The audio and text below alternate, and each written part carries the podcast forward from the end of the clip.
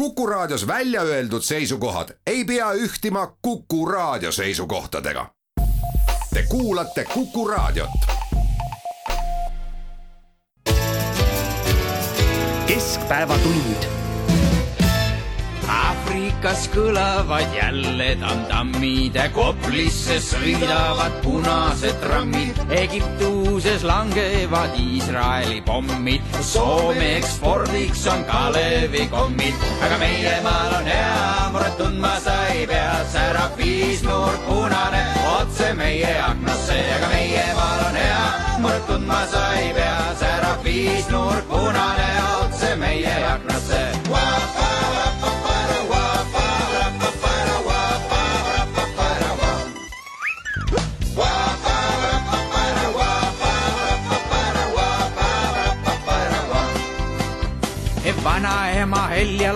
Näitas mulle pilte, milles räägiti, et poes oli müüdud lubjapilte. igal õhtul taevasse lendavad raketid sõdurid said pühadeks uued jalarätid. aga meie maal on hea,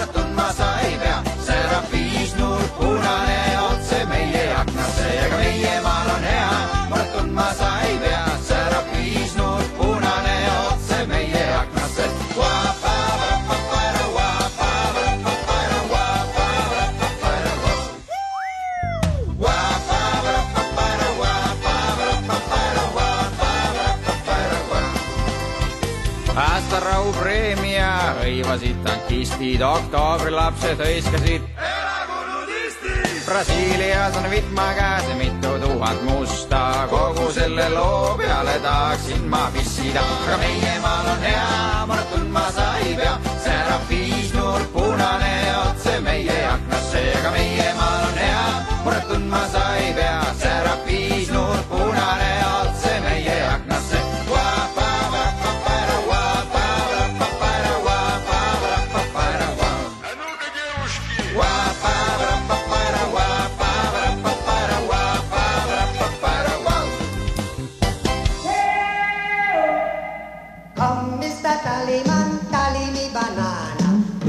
uudiseid koduvabariigist.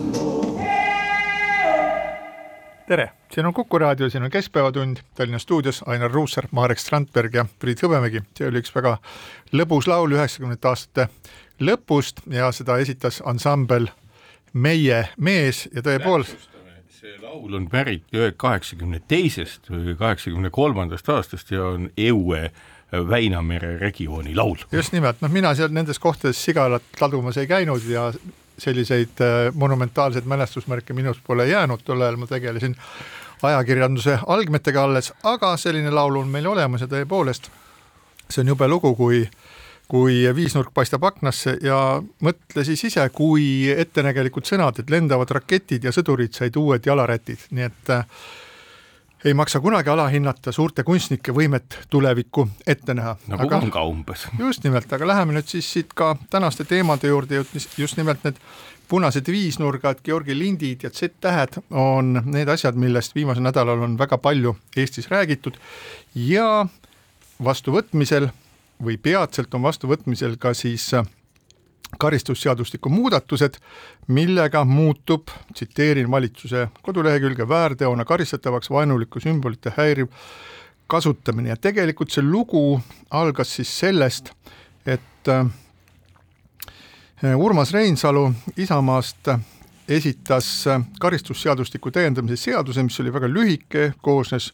ühest punktist sisuliselt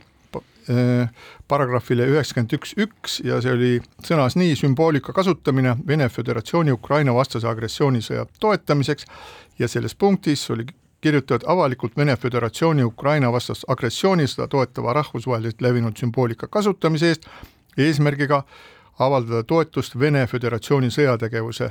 sõjategevusele Ukrainas karistatakse rahatrahviga kuni sada trahviühikut või arestiga või siis, kui see on korduv, kui see on toime pandud vägivallaga või vägivallaga ähvardades, karistatakse rahalise karistuse või kuni kolmeaastase vangistusega, et selline väga konkreetne ja selge lugu, nüüd nii nagu meil Eesti poliitikas tihtipeale juhtub, et üks erakond teeb ettepaneku, siis see jõuab valitsusse, valitsus vaatab, okei okay,, päris normaalne värk, et teeks ise ka midagi. Ja siis teeb valitsus oma seaduseelnõu, kuhu muuhulgas liidetakse kokku ka mitmesuguseid asju, mis on jäänud varasematel aegadel ellu viimata. Ja nüüd siis see karistusseadustiku muudatuste komplekt, mida planeeritakse saata parlamendile, sisaldab endas palju rohkem mitmesuguseid aspekte kui Georgi lintide, Z-tähtede ja muude taoliste asjade ärakeelamine ja nende kasutamise mittelubamine, aga muuhulgas on seal siis ka lisatud ka muid asju, nagu näiteks midagi, mida võiks pidada ka kunagise vaenukõne õhutamise seaduse osakesteks mille, mida teatavasti ei õnnestunud Eestis kuidagi seadustada, kuna see tekkis, tekitas suurt vastukaja ja juba on siis ka mitmed nimekad juristid, nagu näiteks Norman Aas, kunagine peaprokurör, ja Carri Ginter leidnud, et see seaduseelnõu, mida nüüd esitatakse parlamendile, on aetud liiga keeruliseks ja liiga detailseks, et peaksime asja ajama tegelikult lihtsamalt. olen suhelnud äh, viimase nädala jooksul päris mitme erineva parlamendi parteipoliitikuga nii koalitsioonist kui opositsioonist, äh, ma olen aru saanud, et soov selle sümboolikaga või vaenuliku sümboolikaga midagi teha enne üheksandat maid on väga suur. ja seda ma tervitan. Äh, ma olen ka aru saanud sellest, et selliseid küsimärke selle seadusalgatuse juures on mitmeid, seesama sinu poolt mainitud Z-täht ehk siis alati võib vastu väita, et millisel põhjusel me saame keelustada mingisuguse tähestikku kuuluva tähe kasutamise mingil moel. Ah, no, no sellega, ilmselt ikka saab. no ikka saab, selles mõttes, et me ju räägime moodsal ajal on semiootilised terminid meie hulgas täitsa tavalised ja me kõneleme meemidest, et küsimus ei ole sellest, kas täht on keelatud, vaid äh, selle tähega kaasas käiv meem, mis on selgelt mõistetav ja vajadusel leiame kindlasti Eestist kümneid koolitatud semiootikuid, kes ära seletavad, mille poolest Z-täht ja Z-meem erinevad. jaa, ei loomulikult, aga, aga noh, kindlasti on üks suur äh, küsimärgiga koht, äh, juhul kui, ma kordan, ma olen sada protsenti selle poolt, et vaenuliku sümboolika kasutamine avalikes kohtades äh, peaks olema moel või teisel karistatav. aga mm, suur küsimärk on ka see, et kuidas siis või mismoodi siis juhul, kui see seadus vastu võetakse, tegutseb Eesti korrakaitse Tallinna südalinna kalmistul üheksandal mail. nii tegutsebki selles mõttes, et kui sinna koguneksid näiteks kokku inimesed, kes kasutaksid meemi, mis tuleneb keskmise sõrme ülesnäitamisest ja ütlevad, et aa, nad lihtsalt ütlevad, et üks et siis kõik saaksid aru, millise meemiga on tegemist, seal on täpselt sama lugu, et ühesõnaga väärtegu jah? väärtegu ja kogu lugu, et ega seal midagi ei ole, võidakse ju kisada ja kärada ja lihtsalt tuimalt, nagu ikka, et nagu palun väga, keegi ära ei, ei, ei korista, käsi raudu ei pane, aga oma trahviühikud maksavad nad välja ja ongi kogu lugu, et nad ju saavad aru, mida nad teevad, nad saavad Samamoodi... aru, mida tähendab see, kui nad panevad oma musta-oranži lindi kuhugi ja nad ju ärritavad, noh, selles mõttes see tegevus on ju teadlik tegevus, see ei ole juhuslikult, mul oli lihtsalt niisugune lint üle, et panin, vaatasin väga ilus kevadisel päeval, ei ole ju midagi sellist, kirjutasin lihtsalt Z-tähe kuigi kirillitsas sellist ei ole, aga lihtsalt kirjutasin Z-tähe, mulle väga meeldib, et noh, laps üritas teha Zorro märki kuskile peale see on nagu loll jutt ja selles mõttes nii-öelda asja selline tähendus, et see on vaenuliku asja eksponeerimine täpselt samamoodi, et noh, proovige näiteks politseiametnikule keskmist sõrme näidata ja öelda, et ei, ma pidasin silmas, et see on üks, see on lihtsalt üks. ei midagi sellist, kõikidel asjadel on oma tähendus, see tähendus on selle kolmekümne päeva jooksul keevitatud meie arusaamadesse ja ma ei näe mitte midagi, mingit probleemi, et jah, palun vaielge kohtus palju tahate, aga nii-öelda see manifestatsioon, kui nende asjadega välja tulla ja me teame, mis asjad need on, on üsna selge ja meie vaenulik. jaa, Marek, aga see hakkab toimima ainult, tõepoolest ainult siis, kui eh, selle täitmist ka kontrollitakse ja juhul, kui see mu seadus eh, sellisel kujul vastu võetakse, ükskõik millisel kujul. aga noh, võtame näiteks Georg-, Georgi lindi,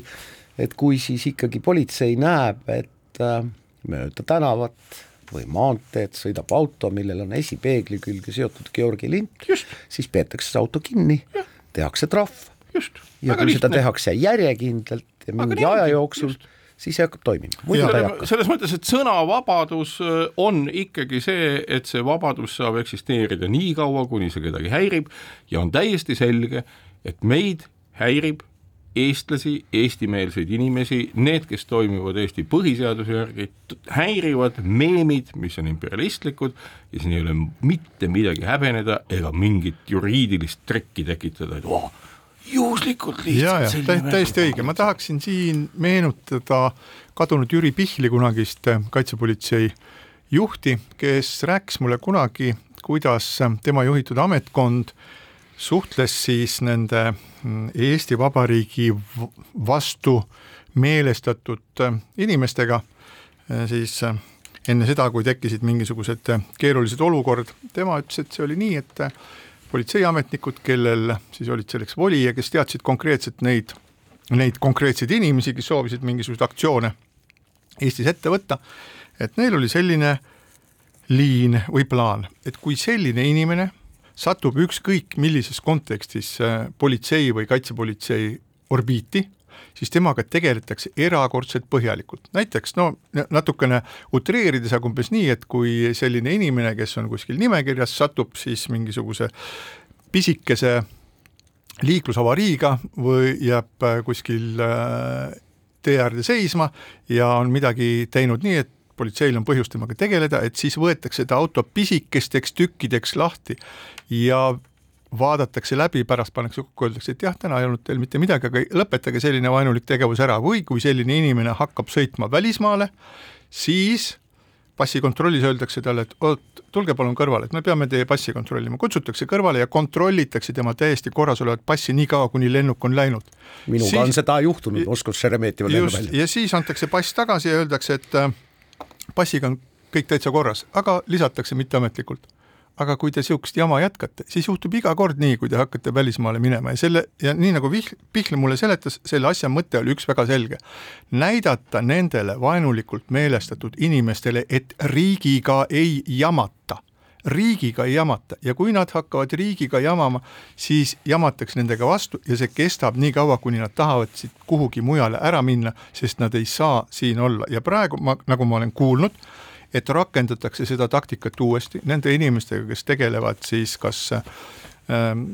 su-, surijate ja surematute marsi ettevalmistamisega või mingite muude taoliste äh, aktsioonidega, räägitakse väga põhjalikult ja sisendavalt sellest, kui keeruliseks võiks nende elu minna siis, kui nad sellise asjaga veel tükk aega tegelevad. ainuvõimalik õige lähenemine. tegevus. ainuvõimalik lähenemine, sellepärast et noh, nii-öelda nagu ka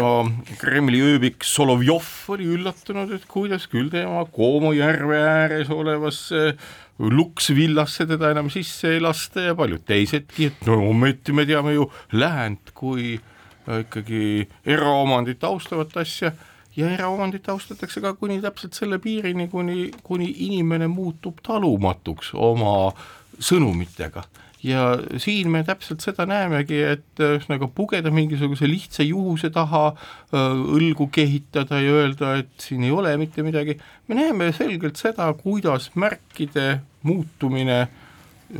selliseks nii-öelda jõuliseks asjaks nõuab sekkumist, samamoodi nagu tekstigi kui see on liiga otseselt vaenu õhutav ja märgid õhutavad vaenu, meil ei ole vaja kuhugi pugeda või ja, ja seda tuleb inimestele seletada, et te teate seda, et see õhutab vaenu, te teate seda, et selle manifesteerimine on ebameeldiv meile ja lõpetage see ära. nii et Tegel... nagu ega siin midagi pikka arutada ei ole ja lihtsalt politseile nii-öelda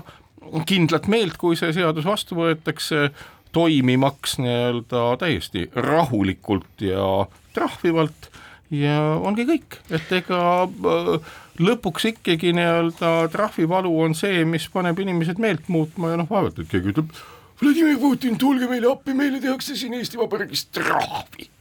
naljakoht. ja mulle väga meeldib see, et, et rääkides julgeolekust oleme nüüd viimase pooleteist kuu jooksul, tegelikult viimase aasta jooksul jõudnud ikkagi sõnadest tegudele lähemale ja selle vaenuliku sümboolika keelamise algatusega on seotud ka ju teine algatus, mis minu meelest on ka väga, väga väärtuslik, ehk siis äh, mitte Eesti kodanikel, õigemini mi-, nendel siin alaliselt elavatel inimestel, kes, kellel ei ole Euroopa Liidu kodakondsust, ei ole ka õigust omada relva koos selle juurde kuuluva relvaloaga just, ja see oleks väga mõistlik. väga, väga mõistlik algatus. ega siin midagi ei ole, lihtsalt see vigurdamine ja kiirutamine, mis nii lihtsa otsuse tegemisel toimub, noh, ütleme jälle, et kui me vaatama hakkame, siis kuidas see toimub, see toimub ikka valitsuspartneri tubli nii-öelda niisuguse varivenestusorganisatsiooni Keskerakonna rahulikul toimetusel, me uurime, vaatame, selles mõttes see jõuline otsus, mida valitsus peaks tegema julgeoleku huvides, on ammu selge. See on selge kahekümne neljanda veebruari sõja alguse päevadest, hommikutundidest. ja, ja, ja, ja see, et see on veninud, see on täiesti arusaamatu, äh, kusjuures ju noh, no me ei tea ikka, kui palju neid relvi on, see on kõik teada see on hetkeliselt teada ja selles mõttes nii-öelda niisugune varirelvastumine, mis on toimunud ükskõik millise rumala sõnastusega egiidi all, on täiesti kohatu ja sõja mitmendal, kolmekümne viiendal või kuuendal päeval selle jätkumine on mõistetavam. see on selge, tegelikult on juba täiesti arusaamatu see, kuidas üldse on võimalik selline asi, et Vene Föderatsiooni kodanikel Eestis, et nad saavad osaleda siis taolistes militaarsetes klubides, et neil võib olla tuhandeid padruneid kodus, mitmesuguseid äh, tugeva purustusjõugu relvi ja nii edasi, nii edasi, et ma, ma, see on, see on minule lihtsalt laskespordi harrastajad on nad relvaseaduse järgi. laskesport on niikaua, kuni sa seal metsas karu lased näiteks, aga siis, kui sa käid nagu ei, kui, kui sa ole see sport, vaid tiiru, tiirus laskmas ja, ja kasutad nii-öelda kõva ei, moona, et see on juba midagi te teistsugust är,. Är, ärme kuulajad selles mõttes eksita, et kui sa oled siin alaliselt elav Vene kodanik, siis sa ei saa kodus relva omada ja padruneid omada, aga lasketiirus võid sa ikkagi laskmas käia, seda ei keela keegi. Nii, aga läheme selliste asjaolude juurde, mis siis nagu tõesti ei kuulidega ei lasta, aga võib-olla visatakse kiviga aknasse sulle, et sel nädalal oli üks juhtum, kus üks kodanik, kellel oli akna peale riputatud suur Ukraina lipp, sai öösel läbi oma magamistoa akna suure tõsise sellise paelahmaka, mis lõi klaasi puruks ja õnneks kellelegi nagu mingisugust viga ei teinud. teine asi, mida, millest me oleme kuulnud, on siis konflikt Lääne-Tallinna haiglas, kus üks äh, inimene pani, äh, riputas üles Ukraina lipu või kleepis seina peale Ukraina lipu ja siis üks äh, arst ja nii nagu ma aru saan, vene rahvusest arst tuli siis Ukraina lipu peale tarakana joonistama, nii on seda siis ajakirjandus esitanud ja me saame ju kõik jälle suurepärased sellised äh, poole kohaga semiootikud, nagu me oleme, saame väga hästi aru, keda, keda on seal kellena mõeldud ja selle peale siis see vanem õde, äh, kes selle lipuga seal tegeles, oli andnud arstile lihtsalt lihtlabaselt vastu lõugu ja õigesti tegi ja nüüd siis ähm, haigla juht Arkadi Popov pidi uurima, et mis selle äh, mis selle sündmuse taga on. Ja praegu mul, ma loodan, et Arkadi Popov saab aru, et ta käib siin väga libedal pinnal, et enam ei, et tema populaarsus, mis oli, mis tõusis tõepoolest tippu koroona ajal, kus rahvusküsimused tegelikult kadusid ära, siis praegune situatsioon on hoopis teistsugune, et mingisugust niisugust ebamäärast juttu hakata ajama, et meil kõigil on õigus ükskõik kuhu midagi joonistada, et sellise jutuga tänapäeval kaugele ei jõua ja on täitsa võimalik oma hea maine ka ära kaotada. Ja vähemasti mina tean kahte juhtumit, mis on usaldusväärsetest allikatest pärit, kus nende inimeste autode rehvid, kelle autosse on olnud kleebitud ja riputatud Ukraina lipp või lindike, siis sinikollane lindik, et nende autode rehvid on läbi torgatud, ehk millega ma tahan öelda? Seda, et siiski Eestis, kuigi vaikne-vaikne, aga siiski Eestis on olemas inimesi, kes püüavad, ma ei tea, kas organiseeritult või mitte organiseeritult ja oleks tõesti imelik, kui see toimuks just täiesti suvaliselt,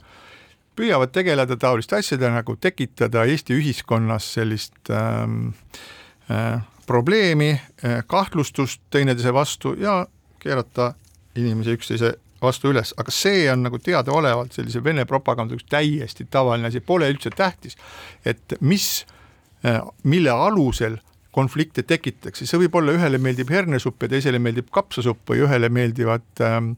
äh, tõmmud inimesed ja teisele väga valge nahaga inimesed, vahet pole, põhiline on konflikt, põhiline on see teravus ja tegelikult see seadusemuudatus peaks aitama ära hoida ka selliseid äh, juhtumeid, kus kellelgi tuleb pähe, et läheks nüüd torkaks midagi, läheks viskaks midagi, siis ta teab, et seda kindlasti karistatakse. siin on loomulikult üks asi ja see on see, et seda äh, nii-öelda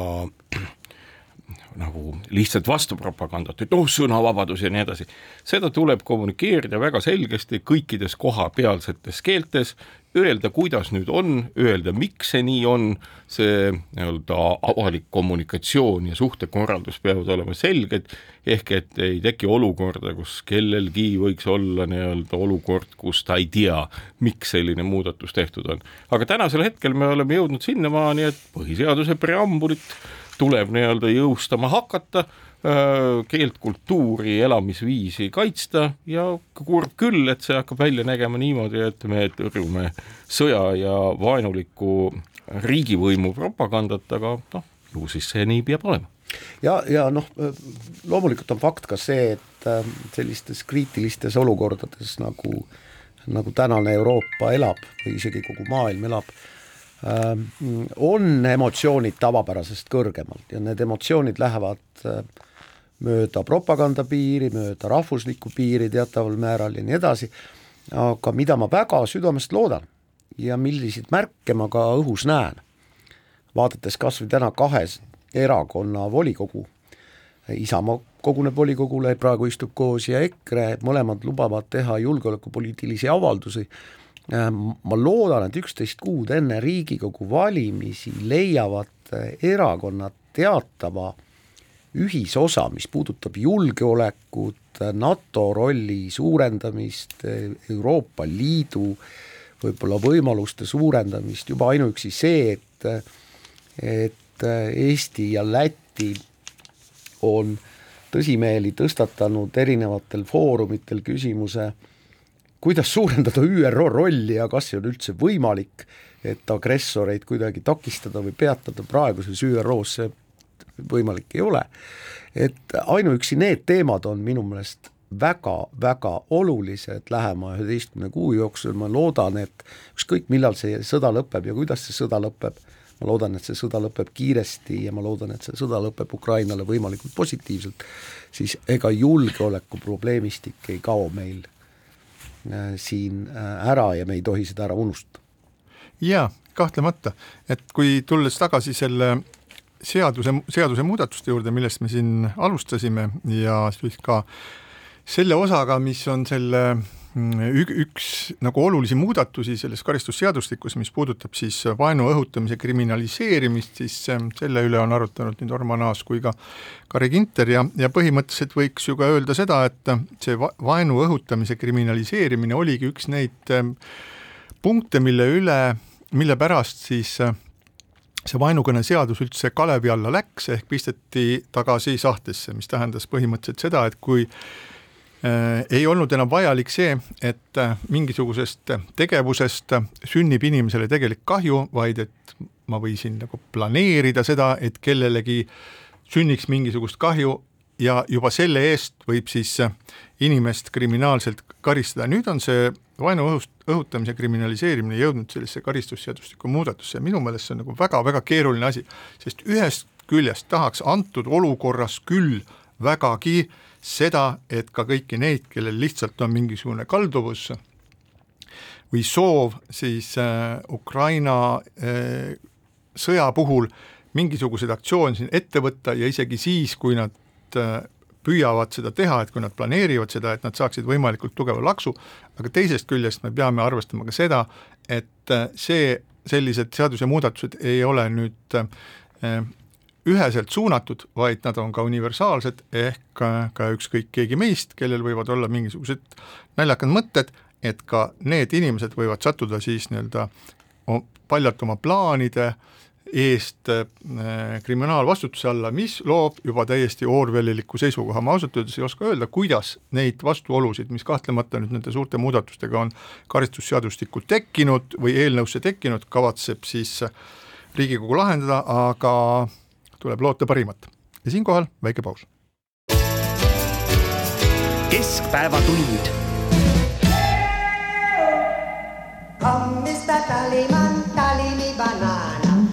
uudiseid koduvabariigist.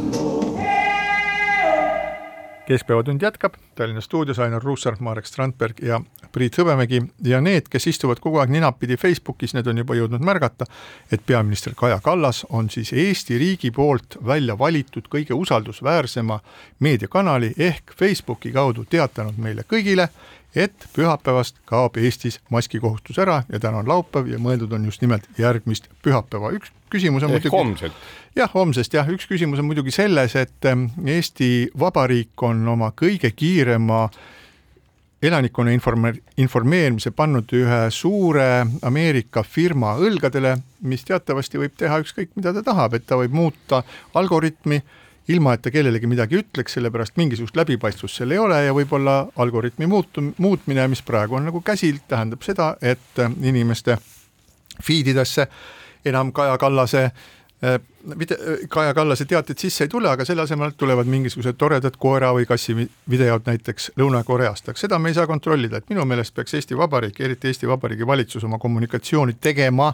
nende kanalite kaudu, mis on Eesti omad ja Eest, Eesti Vabariigi poolt kontrollitavad, näiteks Eesti Rahvusringhäälingu kaudu, aga seda me teame väga hästi, et kogu maailmas poliitikud võitlevad omavahel, kes esimesena saab oma uudise Facebooki üles, siis on punktid korjatud. jah, siin muidugi selle uudisega on äh, lugu, et kui nädala keskel oli veel arusaam, et äh, maskikohustus võiks kesta nii kaua, kuni haiglates hakkab langema patsientide hulk, kes Covidi tõttu seal on, siis nüüd see äkiline nädalalõpu otsus on pigem, kui see tõesti tõele vastab ja see ei ole Zuckerbergi mingi algoritm või tehisintellekt, aga kes sedagi teab,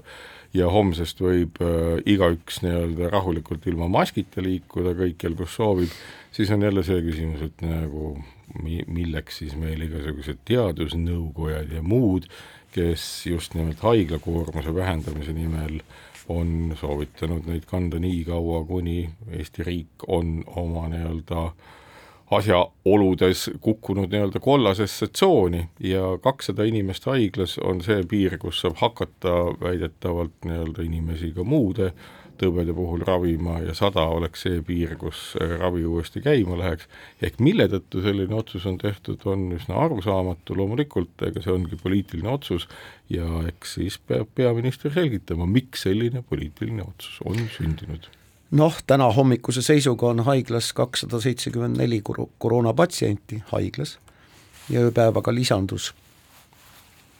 lisandus juurde äh, peaaegu tuhat, loeme välja, peaaegu tuhat uut nakatunut. noh, see on tühi-tähi jutt. ja neist äh,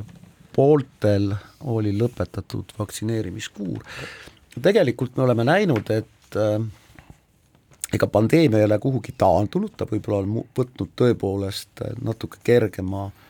kergema vormi, aga kaugel sellest, kaugel sellest aga need äh, piirangud, mis, äh, mis meid tabasid siin pandeemia esimese ega teise laine ajal, on ikkagi,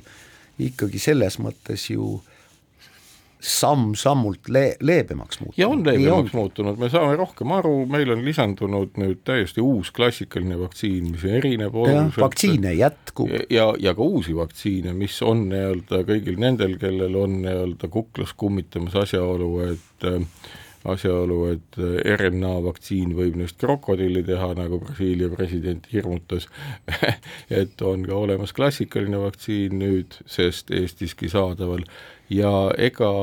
see protsess ei ole kuhugi kadunud, see, et sõda on koledam, ei tähenda seda, et äh, viirus vaataks, et sõda on nii kole, et okei okay,, ma puhkan veidi. et äh, selles mõttes ega meie haiglate seis on ikka sama, et arstid on ikka ülekoormatud, ja need inimesed, kes ootavad oma ravijärjekordades muude tõbede tõttu, ootavad seal jätkuvalt edasi. ja kui nüüd see poliitiline otsus, millest Facebook meile teada andis,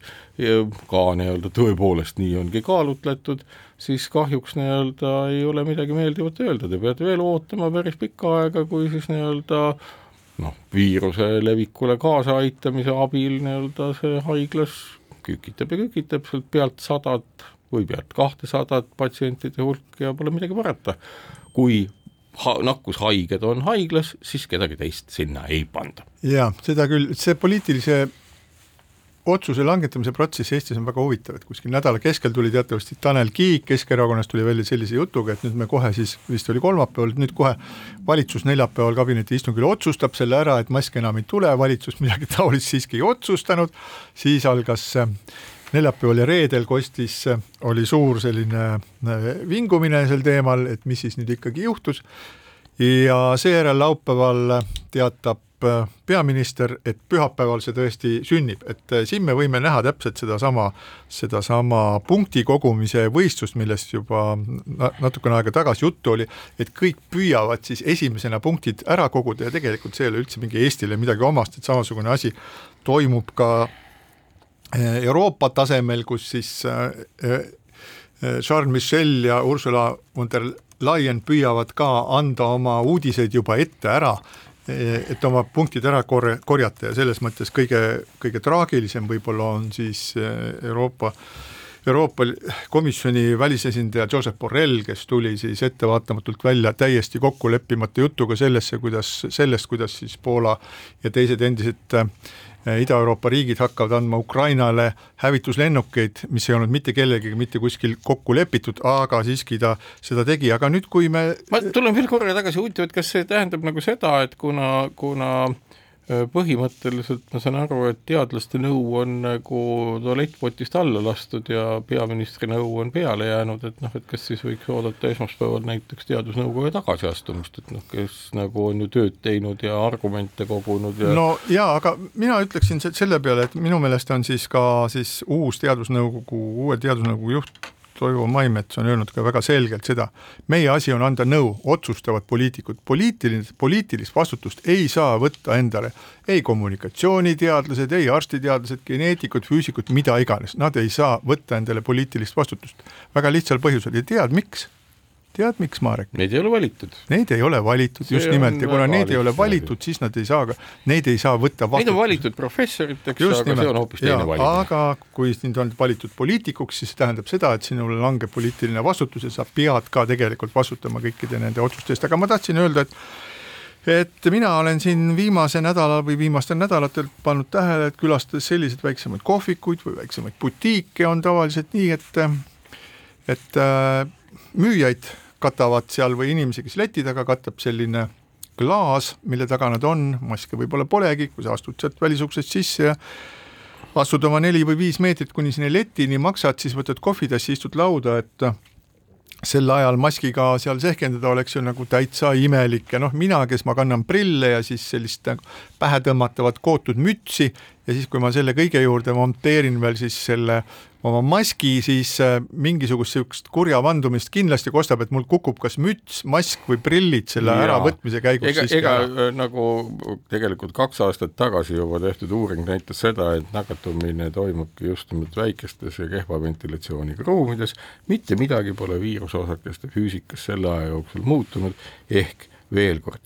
ma ei tea, mis on see põhjus, ma ei tea, mis on see inimeste arusaamatus, ennekõike väikestes, aga ka suurtes kohtades oleks mõistlik, kui inimesed näeksid, milline on nendes ruumides süsihappegaasi tase ja saaksid selle järgi ise otsustada, kas panna mask ette või mitte. väikestes kohtades, kus inimesi on palju, on see tõenäoliselt kõrge, ka viirusosakeste levimise risk on seal suur, miks inimesed väldivad nii lihtsat lahendust,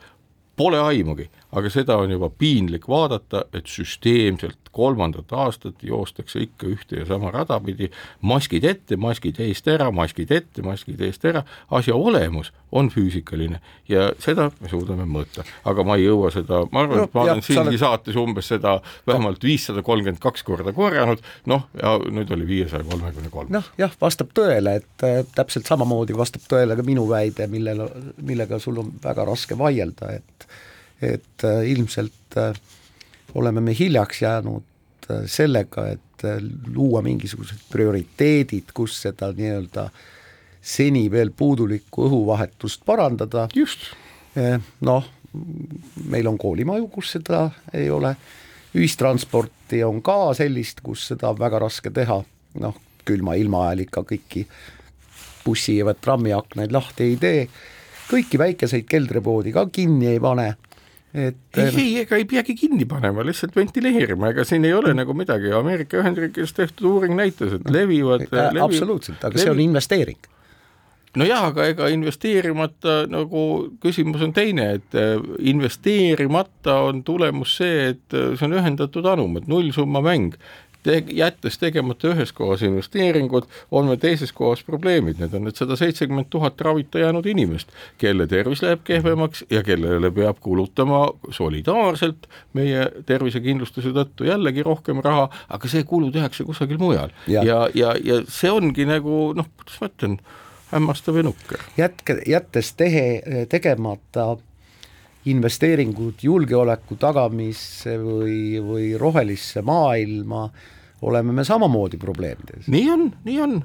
Ja, ja aina rohkem ja rohkem, nüüd loomulikult nii-öelda julgeoleku küsimus on no ütleme niimoodi, et ka kõige, kõige pimedam inimene poliitilises mõttes näeb seda julgeolekuriski juba väga selgelt, mida kaugemal Vene piirist, seda nagu kehvemalt seda hoomatakse, aga siiski. Ukraina on selles mõttes, ütlen lühidalt, et Ukraina on selles mõttes ikkagi meie poliitikuid äh, aidanud see Ukraina sõda, kui sõda üldse saab midagi aidata, äh, rohkem mõtlema sellele, kuidas ikkagi panustada tõrjerelvadesse ja see on väga hea. jaa, lihtsa tõe ütlen teile, ega inimese pähe väga palju rohkem kui üks kriis korraga ei mahu ja see, kui meil on olemas Ukraina sõjakriis, mille, millele suurem osa inimesi mõtleb, ja tulemas on kevad ja meil on kaks aastat olnud selline selline kogemus, et suveks läheb koroonaga, asjad lähevad palju paremaks ja paistab, et praegugi niimoodi läheb, siis on selge see, et inimesed hakkavad vaatama, et et saaks nüüd selle koroonaga äh, laualt maha, läheme edasi ja elame ühe murre, murrega edasi ja siinkohal väike paus. keskpäevatund. hommista Taliman, Talimi banaana. uudiseid koduvabariigist. keskpäevatund jätkab, Ainar Ruussaar, Marek Strandberg ja Priit Õuemägi Kuku raadio stuudios räägime nüüd mitmesugustest teemadest, mis puudutavad neid inimesi, kes on tulnud Eestisse, näiteks Ukrainast ja kes soovivad siin kas oma elu sisse seada, oma lastele paremat tulevikku või vähemasti mingit äraelamist hankida või siis teha midagi sellist, mis tõepoolest oleks kasulik nende kodumaale, Ukrainale, mis praegu on Venemaaga sõjas. Jah, siin on teatavad ma juba kipun ennast kordama, aga loomulikult on teatavad emotsioonid erinevate inimeste vahel ja mitte kõik ei, kõik siin elavad noh, näiteks vene rahvusest inimesed ei ole meelestatud just kuigi kuigi sümpaatselt siia saabunud sõjapõgenike vastu, aga mis mind isiklikult on hakanud natukene häirima, aga ma ei teagi ühest vastust, on see, et ma olen tähele pannud,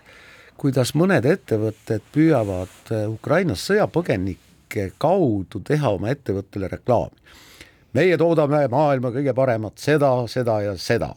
ostke meie seda, seda ja seda, aga sõjapõgenikud ei pea meie toodetud seda ja seda ostma, vaid me anname selle neile poole hinnaga või täiesti tasuta. siin on muidugi üks asi veel, et oh, ma, ah, ma ütlen, ma ütlen siia juurde, et aga sellel asjal on teine külg. et äh, kui sa tegelikult siis ka aitad sõjapõgenikku, siis selles ei ole ju midagi halba. Ma, ma ei tea, kus on tõde võtame teise asja, et üsna nukrad on need lood, kus äh, põgenikud kõnelevad neist asjust, kuidas neile vaata, et miinimumpalkagi, kui sedagi makstakse ja sedagi mustalt ja nad ei ole seda veel kätte saanud ja loodavad, et nad saavad. teistpidi meil on ju olemas ometi ähm, ettevõtted, kes ütlevad, et nad on Eesti kaitsetööstuse selgroog. Ja noh, me võtame nagu mingid vanad filmikaadrid või lood sellest, kuidas mehed sõjas ja naised siis tehastes tootsid relvi, laskemoona ja muud sellist, et ma mõtlen, et kui keeruline võiks olla siis tegelikult ju kümnekonna tuhandele inimesele siin kohapeal siis äh, ka meie enda eesmärke silmas pidades siis ühe või teise relvasüsteemi või laskemoona tootmise käima paneks, sellepärast et üks on selge, selle turg on täna hetkel Ukrainas olemas ja nad ju ei palu abi, vaid nad siiski, ütleme ikkagi majanduslikul moel ostavad kõike seda, millega nad seal sõda peavad. Ja ma olen mõelnud, et noh, et olgu need siis kas siis äh, Saabi ja Suurbritannia ühistööst tehtud siis need tankitõrjerelvad või siis Raytoni ja Lockheed Martini Javelinid et kui keeruline see siis on nagu juba kümmekond aastat kasutuses olnud ja tootmises olnud või isegi pikemalt tootmises olnud nagu seadmete tootmist Eestis käima panna niimoodi, et see on inimtöömahukas asi, robot seda kokku ei pane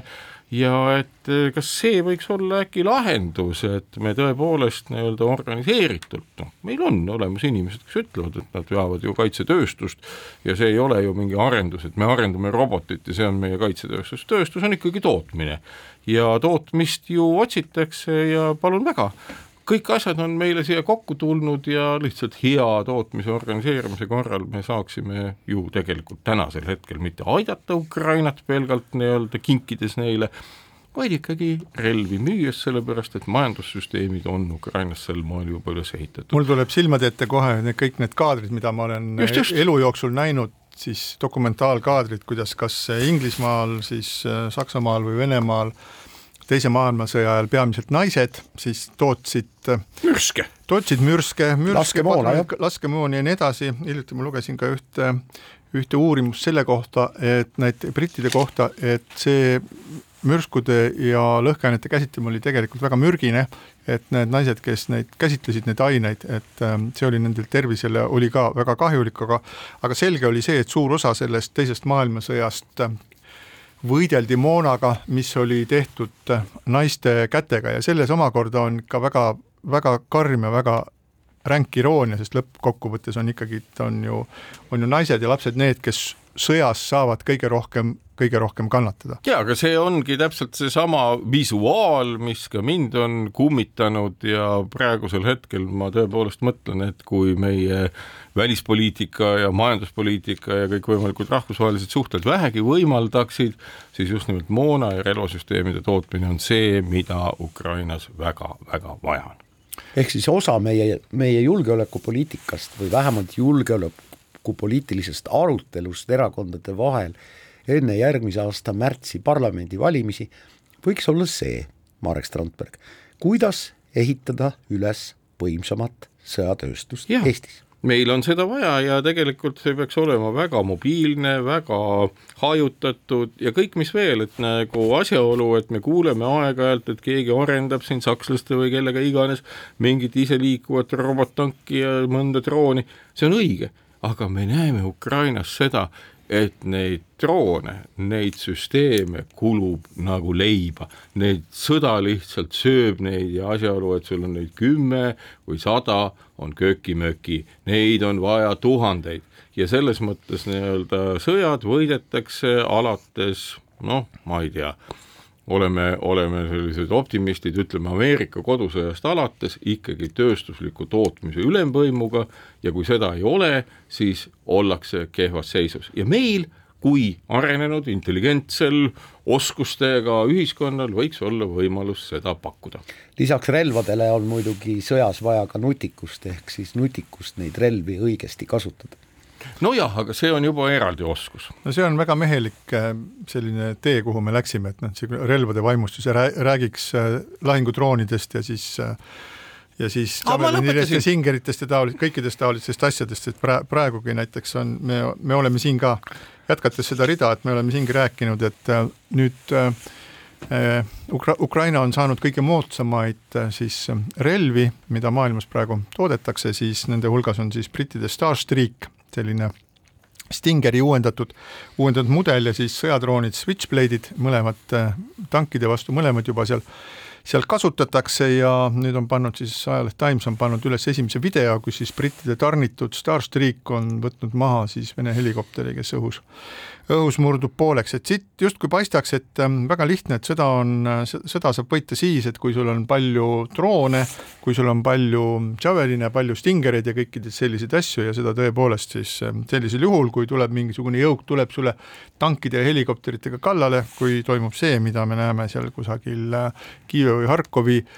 linnade juures, et toimub äh, kaugtuli ja suur osa tulistamisest toimub lennukitelt, mis asuvad väljaspool Ukraina piire või suurtükiväega, et siis sinna nii-öelda nii lihtsalt mingisuguse drooniga ligi ei pääse, aga kahtlemata on, on oma õppetund selles, et ja küllap ka Ukraina on servani täis kõikvõimalikke Lääne-Euroopa ja Ameerika instruktoreid, kes märkmik käes teevad kogu aeg mingisuguseid üles tähendusi, kuidas see jälle lendas ja kuidas see alla kukkus ja, ja ma kujutan ette, et praegu käib selline, see Ukraina on muutunud sisuliselt kõige moodsama lahingu, lääne kõige moodsama lahingurelvastuse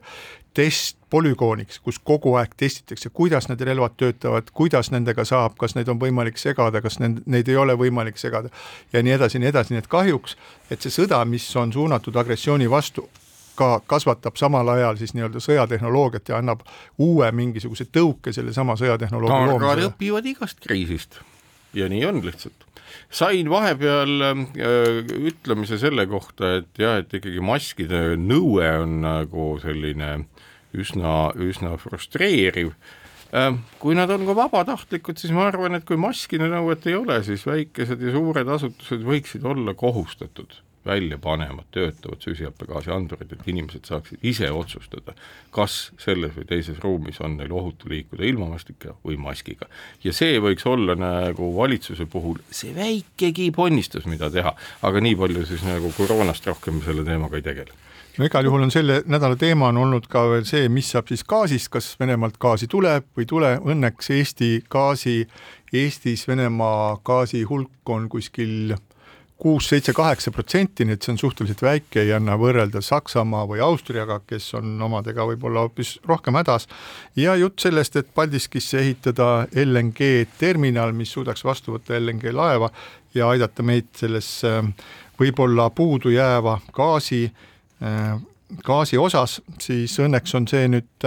saanud hoo sisse, sest kui me mäletame Taavi Rõiva, Rõivase valitsust, siis LNG terminali ehitamine kas Tallinnasse või siis ähm, Soome oli ju suuresti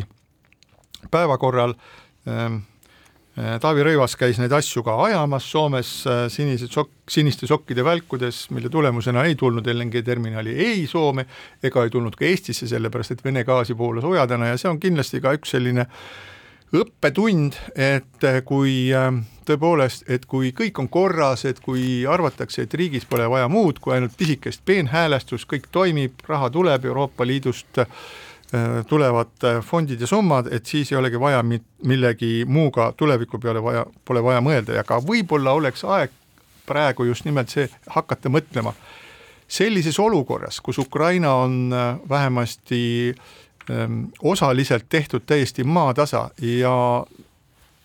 on täiesti selge energiakriis, kui Eesti peab läbi mõtlema uuesti oma äh, kaitsestrateegiad ja varustuse ja nii edasi ja nii edasi, mis kõik nõuab raha, kui mõttekas on selle taustal hakata ehitama ühte raudteed ehk Rail Balticut, mis ühendab Eestit Euroopaga, et kas see on ikka hetkel kõige mõistlikum teema, millega peaksid Eesti poliitikud Eesti majandust tegelema hakkama, avama uusi kaevandusi selleks, et hakata tegema uusi muldtamme, ehitama sildu, raudteed, metalli, mulle tundub, et maailm vaatab hoopis mujale, et see Rail Baltic ei ole üldse enam antud olukorras päevakohane. nojah, sellega ei tegele ainult Eesti, vaid ka äh, Läti, Leedu ja otsapidi Poola ehk siis äh, võib-olla tõesti on sul õigus, Priit, et mõned asjad peaks külmutama või, või edasi lükkama ja tegelema nagu tähtsamate asjadega. Sest kui me vaatame kas või neid summasid, et äh, teada on ju see, et äh, kogu Rail Balticu ehitamine on läinud pidevalt kallimaks, kallimaks, et äh, isegi oleks naeruväärne hakata neid numbreid meelde tuletama, et kui palju see asi on kallimaks läinud ja kui me vaatame kas või seda, kui palju Euroopa Liidul oma eelarvest praegu kulub raha riikide aitamiseks, kui pa-, riikide aitamiseks praeguses kriisis, kui palju kulutatakse siis ähm, relvastusele ja kõikidele relvastuse hankimiseks Ukrainale ja muudeks asjadeks, siis tõepoolest, et võib-olla selle ühe raudtee ehitamine ei ole praegu enam oluline teema. Üks asi kiirelt lõpuks, et tegelikult meie rohepöörde hind on Ukraina sõja tõttu ja meie enda relvastumisvajaduse tõttu veelgi kallimaks läinud ja seda öelda kõigil neile, kes ütlesid, oi, tehnoloogia muutus energeetikas on kõik väga kallis ja seda ei saa teha. täna on ta väga-väga kallis. mõelge selle peale, täname teid kuulamast ja kohtume taas nädala pärast, kõike head! keskpäevatund